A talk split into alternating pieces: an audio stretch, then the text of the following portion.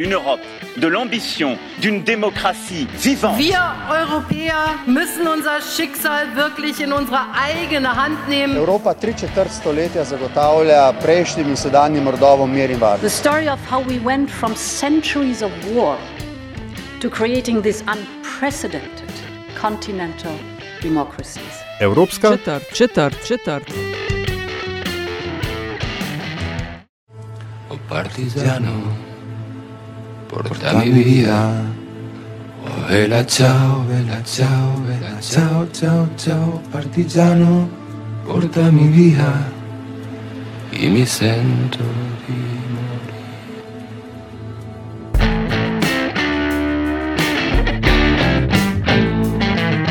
Spoštovane in cenjeni, dobrodošli v podkastu Evropska četrt, podkastu o vsem, kar vas bo zanimalo o Evropski uniji, pa niste vedeli, koga vprašati. Evropsko četrt vodiva Aljaš Pengov Bitens in Nataša Briškin, podcast domuje na spletni postaji metina lista.sim, v vašem nabiralniku pa sveža epizoda takoj, ko je na voljo. Če ne bi bilo eh, slovenskega predsedovanja Evropske unije, verjetno marsikdo ne bi vedel, da se vsakih šest mesecev v Evropskem parlamentu odpre, eh, pripravijo razstavo aktualnih, eh, prodornih eh, umetnikov iz eh, predsedujoče države. Ampak to je zgolj košček, morda niti ne najpomembnejši evropskega kulturnega udejstvovanja oziroma kulturnega udejstvovanja na evropski ravni. Um, cel kup stvari se dogaja, ki imajo eh, evropsko in tudi svetovno eh, razsežnost, eh, recimo Berlinski filmski festival, ravno kar se je končal festival v Kanu, cel kup drugih tovrstnih dogodkov in človek, Nataša, se slejko prej vpraša, ali obstaja nekaj, čemu bi se lahko reklo evropsko kulturno izročilo oziroma evropska kulturna identiteta. Ja, točno to. Ne. Pred časom smo dobili tudi vprašanje poslušalca, Nejca, um, nekaj v tej smeri in o tem bova danes z gostjo Alma Selimovič, direktorica Zavoda Bunker Živijo. Živijo. Alma, bom pa začela kar z, se pravi, evropska kulturna politika, o tem bomo debatirali. Začela bom pa kar z vprašanjem bralca poslušalca. Nejca, ki uh, sprašuje tako. Um, zdi se mu, da evropejci nimamo skupnih popkulturnih referenc, filmskih, glasbenih in tako dalje. In da se zato zatekamo v ameriški informacijski ekosistem in se ukvarjamo s perečimi problemi ameriškega okolja. Zdaj pa zanima ga, ali na institucionalni ravni obstaja kakšna pobuda po vzpostavitvi izvirnega evropskega popkulturnega okolja. Pravi, da malce v to smer po njegovem delujejo. Smernice ustvarjalne Evrope. Zdaj pa vi ste v okviru Zavoda Bunker tesno upeti tudi v številne evropske projekte, spremljaš kulturno politiko, to te zanima. Kaj bi mu odgovorila? Uh, ja, torej, bralec, poslušalec zastavlja izjemno kompleksno vprašanje, ki sega seveda čez robove uh, evropske kulturne politike in nasplošno kulturne politike. Zdaj, že v vprašanju je pol neke terminologije, ki je, kako bi rekla, ambivalentna. Ne? Kaj sploh smo evropejci, ne? mi govorimo tukaj o evropski kulturni politiki, predvidevam, da mislimo predvsem na uh, Evropsko unijo. Um, zdaj, ko govorimo o Evropi, ne, o evropski kulturni politiki, bom jaz govorila o kulturni politiki EU. In zanimivo pri tej kulturni politiki je, da je v resnici prepuščena domeni nacionalnih držav. Torej, kulturna politika Evropske unije politiko, kulturno politiko prepušča nacionalnim državam. In je subsidijarna, to pomeni samo neka komplementarna politika nacionalnim državam. In tako ne sme posegati v odločitve držav, kako vodijo kulturno politiko, lahko pa organizira in stimulira ta nek skupni surplus. Ne. Um, zdaj, kaj to je? Ne? Uh, je opredeljeno v različnih strategijah, predvsem pa se vidi bolj skozi operacionalizacijo tega, kaj je Evropska unija financirana. Zdaj, če pa pogledamo širše, ne, to, da evropejci nimamo skupnih popkulturnih referenc, recimo jaz se ne strinjam s tem. Jaz mislim, da vsak uh, evropejc ve, kaj je Eurovizija ali pa kdo je Sofija Loren, da prepoznavamo neke stvari, ki niso samo nacionalne, ampak so evropske. Ampak nasplošno pa imamo, če se referira na Ameriko, ne, imamo tudi. Um, tudi kulturna politika v eh, ZDA ali pa v Evropi vznikne iz različnih temeljev. Ne. V Evropi se mi zdi kulturna politika, če je povezana z gradnjo države in z gradnjo nacije, ne, temelji na pluralnosti. Torej, uh, iščemo uh, partikularno, kaj nas ločuje od drugih, kako smo posebni in kaj je specifično naše. V ZDA pa temelji na nekem momentu iskanja skupnega, ne, oziroma na ustvarjanju novega, ne, kaj je tisto, kar nas v pluralnosti povezuje, kaj je naše. Ne.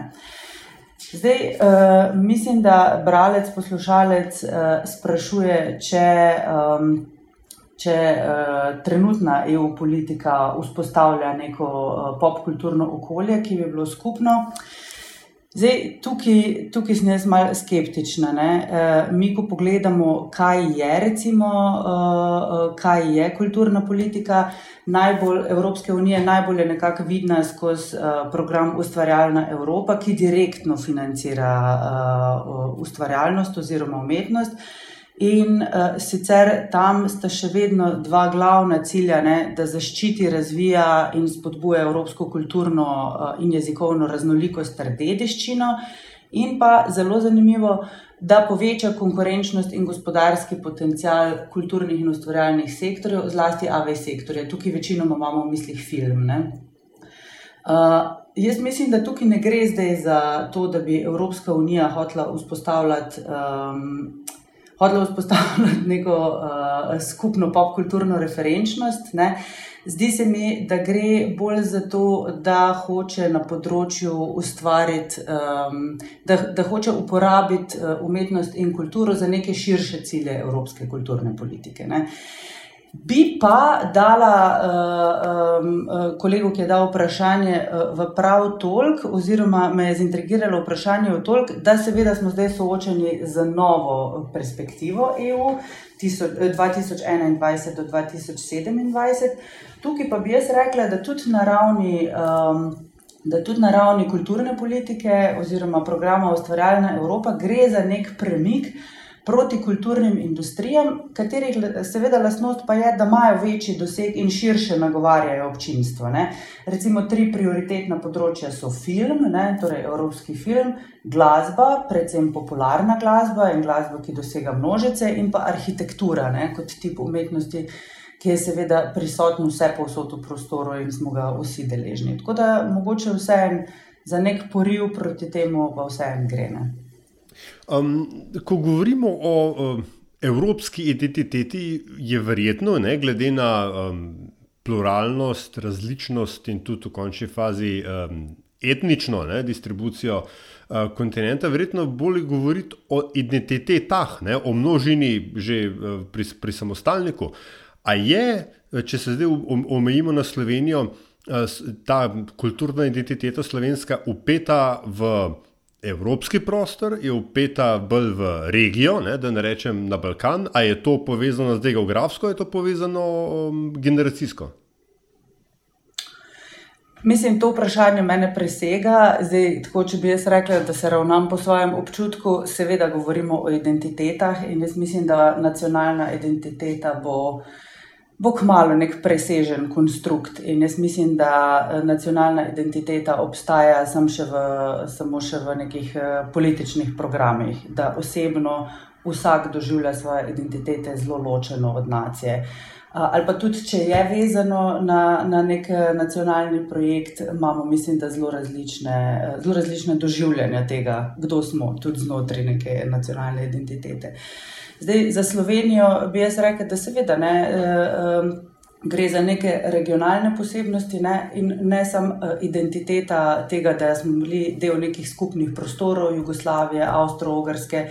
Uh, to močno zaznamuje, ne, ko se mi recimo s kolegi dobivamo na mednarodnih projektih. Ne, Uh, uh, absolutno takoj prepoznamo, kje je regija, smo tisti, ki jemo palačinke, kje je regija, smo tisti, uh, to smo Avstralska, seveda, vsi tisti, ki poznamo knedličke in palačinke. Kdo smo tisti, ki smo gledali uh, stripija, kdo smo tisti, ki smo gledali um, uh, vem, češke risanke, in pa seveda, kdo smo tisti, ki imamo toliko skupni jezik, da uh, ga tudi, če ga zelo zlomimo in prisilimo v črne formulacije, se lahko razumemo med sabo, ne? brez angliščine.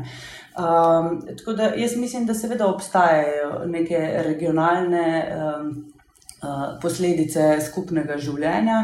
Uh, ja, se pa seveda strinjam, no, da o identitetah govorite tako spolzek teren, trenutno in o nacionalni identiteti pa sploh ne. Uh, Jaz, recimo, osebno se bolj identificiram s tem, da sem del neke umetniške skupnosti, uh, ki funkcionira mednarodno, uh, in se mi zdi, da je to naprimer, močen del identitete vseh, ki delujemo na polju umetnosti. Ne. Me spomni ob tem, kar govoriš, ker sem ravno pred dnevi končala z branjem knjige Čigavsi Saša Stanišiča. In ravno o mhm. tem govorijo, o identitetah in s kom se identificirati, ali prostorom, kjer se rodiš, ali eh, krvjo, familijo in tako dalje. No.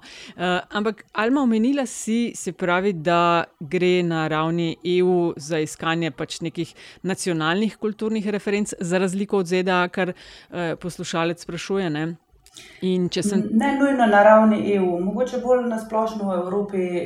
Ne, to, kar je evropski trg, to je v bistvu hkrati tudi ameriški trg. Ne. Tako da se mi zdi, da v Evropi vseeno gre za neko absolutno večjo razdrobljenost in da smo no, no. bolj navajeni na neke mejne kulturne trge, če jim lahko rečemo. Ja, ja no, na ta neka razdrobljenost, ki je mogoče na drugi strani, ni v takšni meri videti. E, omenila pa si tudi, da se da evropsko kulturno politiko in ko rečemo evropsko, mislimo EU, ne, videti tudi uh mhm. -huh. skozi to, kam se daje denar. In če sem te prav razumela, se denar po novem ali pa v večji meri daje film, glasba. Uh, ja, zdaj, ko je nova perspektiva, ustvarjalne Evrope ima večji, uh, večji proračun kot pretekla sedemletna perspektiva, uh, je pa več denarja za audiovizualno, torej več denarja za film in pa mislim, da za medsektorsko sodelovanje. Uh, smo pa zdaj v bistvu v zanimivem času, ker eno je to, kako Evropska uh, unija. Nekako napiše programski statement, ne, kaj je strategija, kaj je usmeritev. Drugo je pa potem, kar mi vidimo na terenu, kako se dejansko distribuira denar. Ne? In zdaj so zunaj prvi razpisi nove perspektive. In mi tudi nekako uh, poskušamo zdaj iz te um, kalne vode političnega programa ugotoviti, kaj, kaj, kaj so dejansko misli s tem. Ne? No, in kam gre? Uh, torej, recimo, naprimer, mi ne vemo še, ne, ne, ve, ne vemo še, ni še prvih rezultatov. Ne? Torej, mi zdaj čakamo, naprimer, zdaj so prvi uh, razpisi za projekte sodelovanja. To je klasičen primer uh, razpisa uh, Evropske unije na področju kulture, torej, kjer je denarja ne moreš dobiti za nekaj, kar delaš sam v svoji državi ali pa nekaj, kar je lokalno ali nacionalno, ampak dobiš denar točno za to, za ta presežek tega, da sodeluješ z drugimi, ustvarjaš povezave. Eh, dobro, zdaj je mobilnost zelo na udaru zaradi uh, pandemije, ampak skratka, ker gre za tako imenovano transnacionalno sodelovanje. In zdaj bomo mi pač po prvih razpisih videli, kako se to potem prelije v konkretno. Um, torej kam, uh, uh, kateri projekti so bili nagrajeni. In isto bomo videli pri uh, novi napovedi uh, Evropske komisije, torej novi Evropski Bauhaus. Ki je bil najavljen s famoznim uh, uh, videom Ursula von der Leyen, uh, kam Evropa gre. Uh, in, ampak to je seveda zdaj samo pobuda. Ne? Mislim, da je slogan lepo, uh, trajnostno in skupnostno. Uh, ali vključujoče, ne vem natančno, ampak zdaj bomo videli, kaj bo iz te pobude nastalo, kako se bo operacionalizirala, kaj bo to pomenilo. Ali bomo ostali pri tem, da pač uh, si ponovno vzpostavljamo neko identiteto Evropske unije skozi to, kako jo ubesedimo, kaj govorimo, da smo. Ali bo to postal nek program, ki bo dejansko financiral neke inicijative, ki bodo lepe, trajnostne in skupnostne. In tudi, če jih bo financiral, kdo bojo tisti plejeri, ki bojo to delali. Ali bojo to nekdo z področja umetnosti, ali bojo tukaj stavili na gospodarstvo, da postane lepo, trajnostno in skupnostno, torej kako se bo to dejansko potem dogajalo. Zdaj, nekje sem, uh, me boš popravila, uh, ker verjetno poznaš te podatke bolje kot jaz, ampak nekje sem zasledil uh, podatek, da naj bi se, kako že en evro investiran v kreativno industrijo, širše šir, rečeno, povrnil v gospodarstvo oziroma v družbo tri ali štirikratno, ali kako že.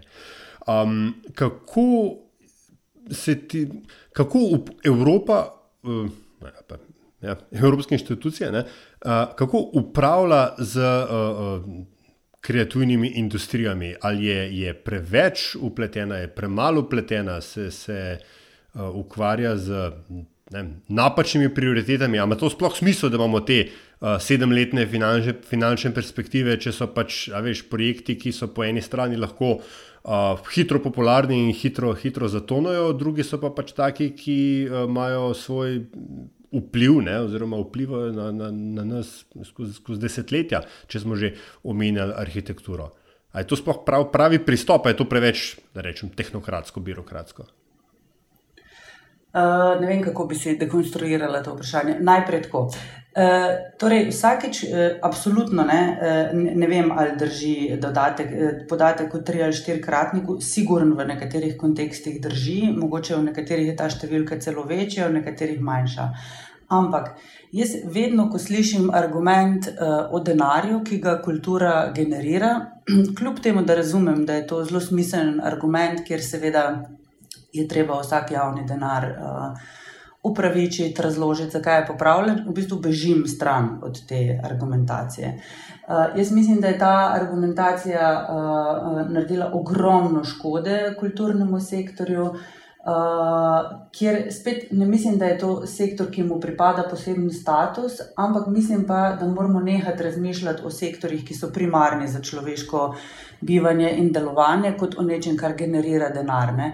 Jaz mislim, da moramo pač priti do nekega strinjanja, da sta kultura in umetnost pomembni, da pripadata vsakemu in da je treba sektorje, ki ne morejo preživeti na trgu pač financirati z javnim denarjem. Če Evropska unija na tem področju financira stvari, ki so nekako komplementarne nacionalnim politikam, toliko boljš, če podpre stvari, ki lahko govorijo stvari širše kot nacionalne države, toliko boljš. Tako da jaz um, ne da ne maram teh študij, ker se mi zdijo seveda smiselne in moramo vedeti, kako se denar obrača. Ampak se mi zdi, da to nekako ne sme biti teren naše argumentacije. Ne? Zdaj, pri teh sedemletnih ja. mhm, Pri sedemletnih ciklih uh, je pa tako. To je pač model evropskega financiranja. Uh, jaz mislim, da v enih segmentih, uh, seveda, uh, bi se ga dal izboljšati, da v enih segmentih pa seveda ima učinke. Uh, Uh, jaz mislim, da številne organizacije, ki so prejemniki evropskega denarja, ustvarjalne Evrope, iz tega naredijo stvari, ki drugače ne bi bile mo mogoče znotraj nacionalnih držav. Recimo, Bunker je tak primer. Uh, mi smo financirani in lokalno, in nacionalno, ampak ravno evropski denar uh, nam je omogočil neko strateško planiranje na področju, ki ga delamo, ker gre za dolgoletne projekte in pa nam omogočil mednarodna sodelovanja, ki si jih mogoče drugače ne bi mogli prvoščiti. Uh, in nekako nas je premaknil, um, premaknil nas je ven iz nekih bilateralnih sodelovanj, kjer gre samo za gostovanja, za izmenjavo. In nam omogočil neke terene sodelovanj, ki prej niso bili mogoči, ne? kjer ti lahko res dolgoročno sodeluješ v velikih konzorcijih, v velikih partnerstvih, uh, kjer se lahko povezuješ ne samo na področju tega, pač mobilnosti umetniških del in ljudi, ampak eh, dejansko lahko zastavljaš neke razvojne projekte, vključuješ druge sektorje, izobraževanje, znanost. Um, ne vem, zdaj recimo zelo popularno povezovanje z zdravjem. Um, ne vem, tako se mi zdi, da vseeno odpira neke nove terene, no, ki za nas ne da niso bili možni, ampak si jih mogoče nismo mogli prvoščiti. Na začetku sva bom se spet k temu vrnila, govorili o tej kulturni, politični razdrobljenosti v Evropski uniji, pa me zanima potem, kar vemo zdaj glede um, uložkov denarnih. A imaš občutek, da se Evropska komisija bolj v kontekstu te razdrobljenosti usmerja k manjšim ali vsem k večjim igralcem v tem ekosistemu? Uh, ja, recimo, zdaj, tako, naš primer bunkerja, mi smo mehni igralec v tem sistemu in smo prejemniki evropskih sredstev, in tudi direktni prejemniki evropskih sredstev, ker smo recimo vodja projekta, ki je vreden 4 milijone, uh, ki ga mi potem distribuiramo naprej partnerjem.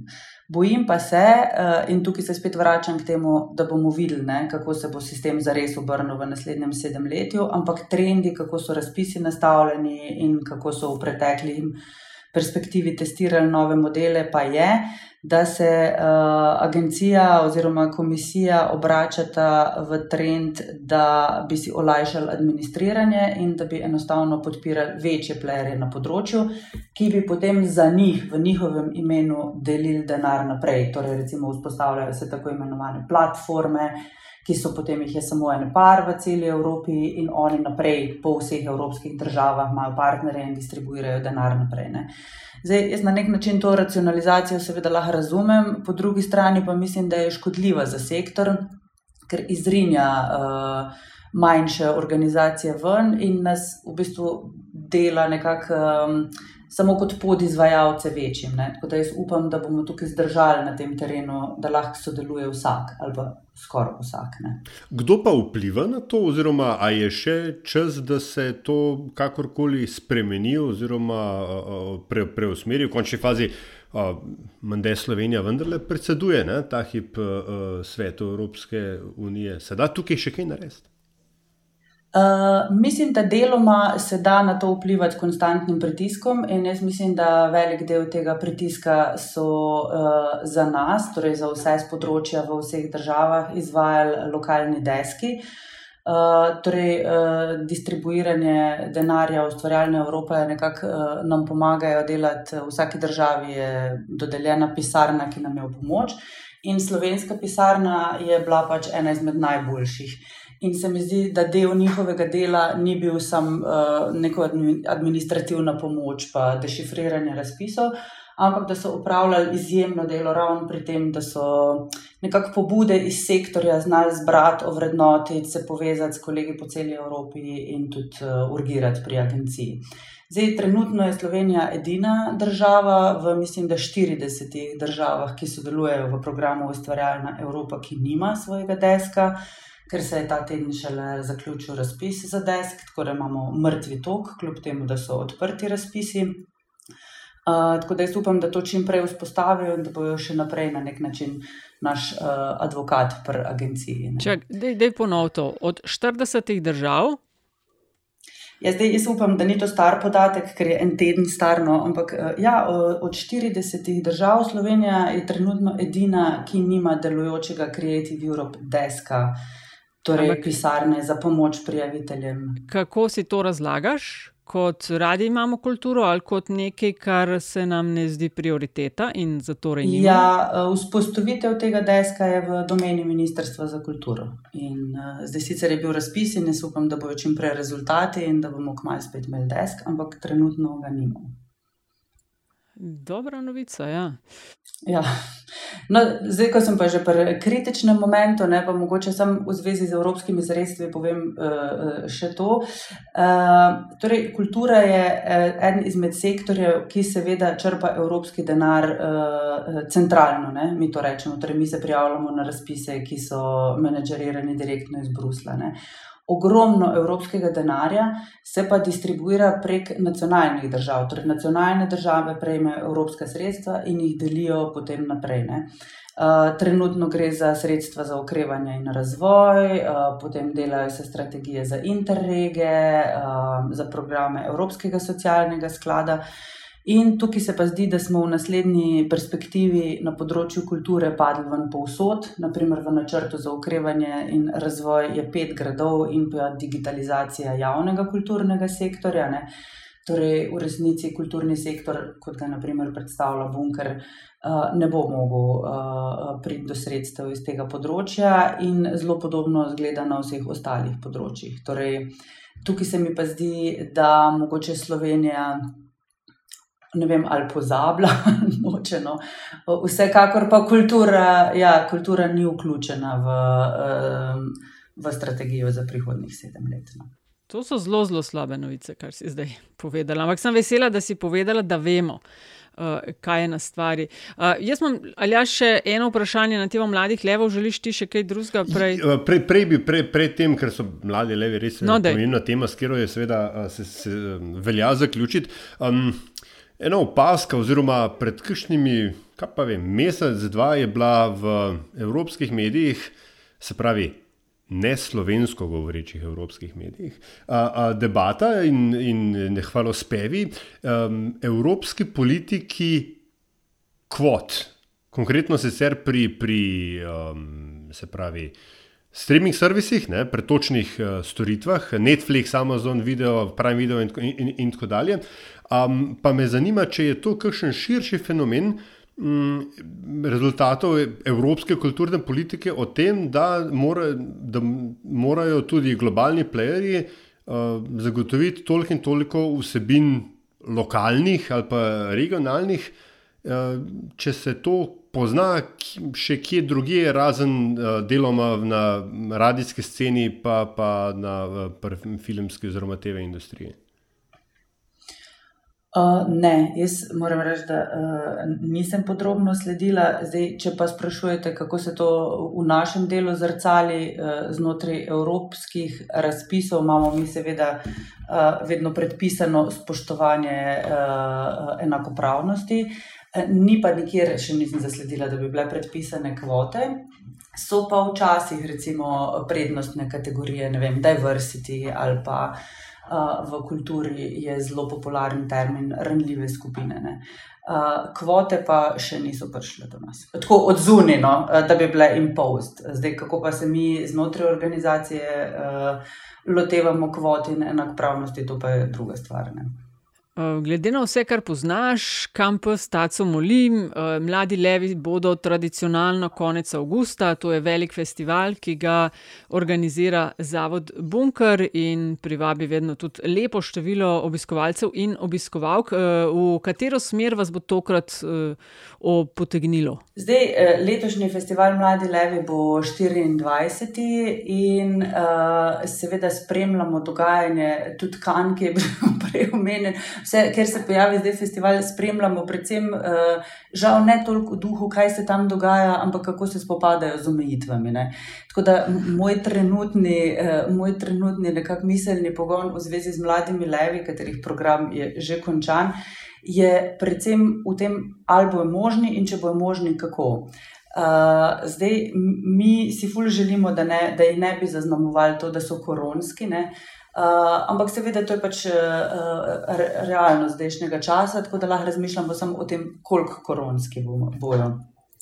Uh, zdaj, če sprašujete programsko, letošnji Mladi Levi so nekako uh, zmes, zmes predstav, ki so nastale um, pred uh, pandemijo in pa potem že med pandemijo.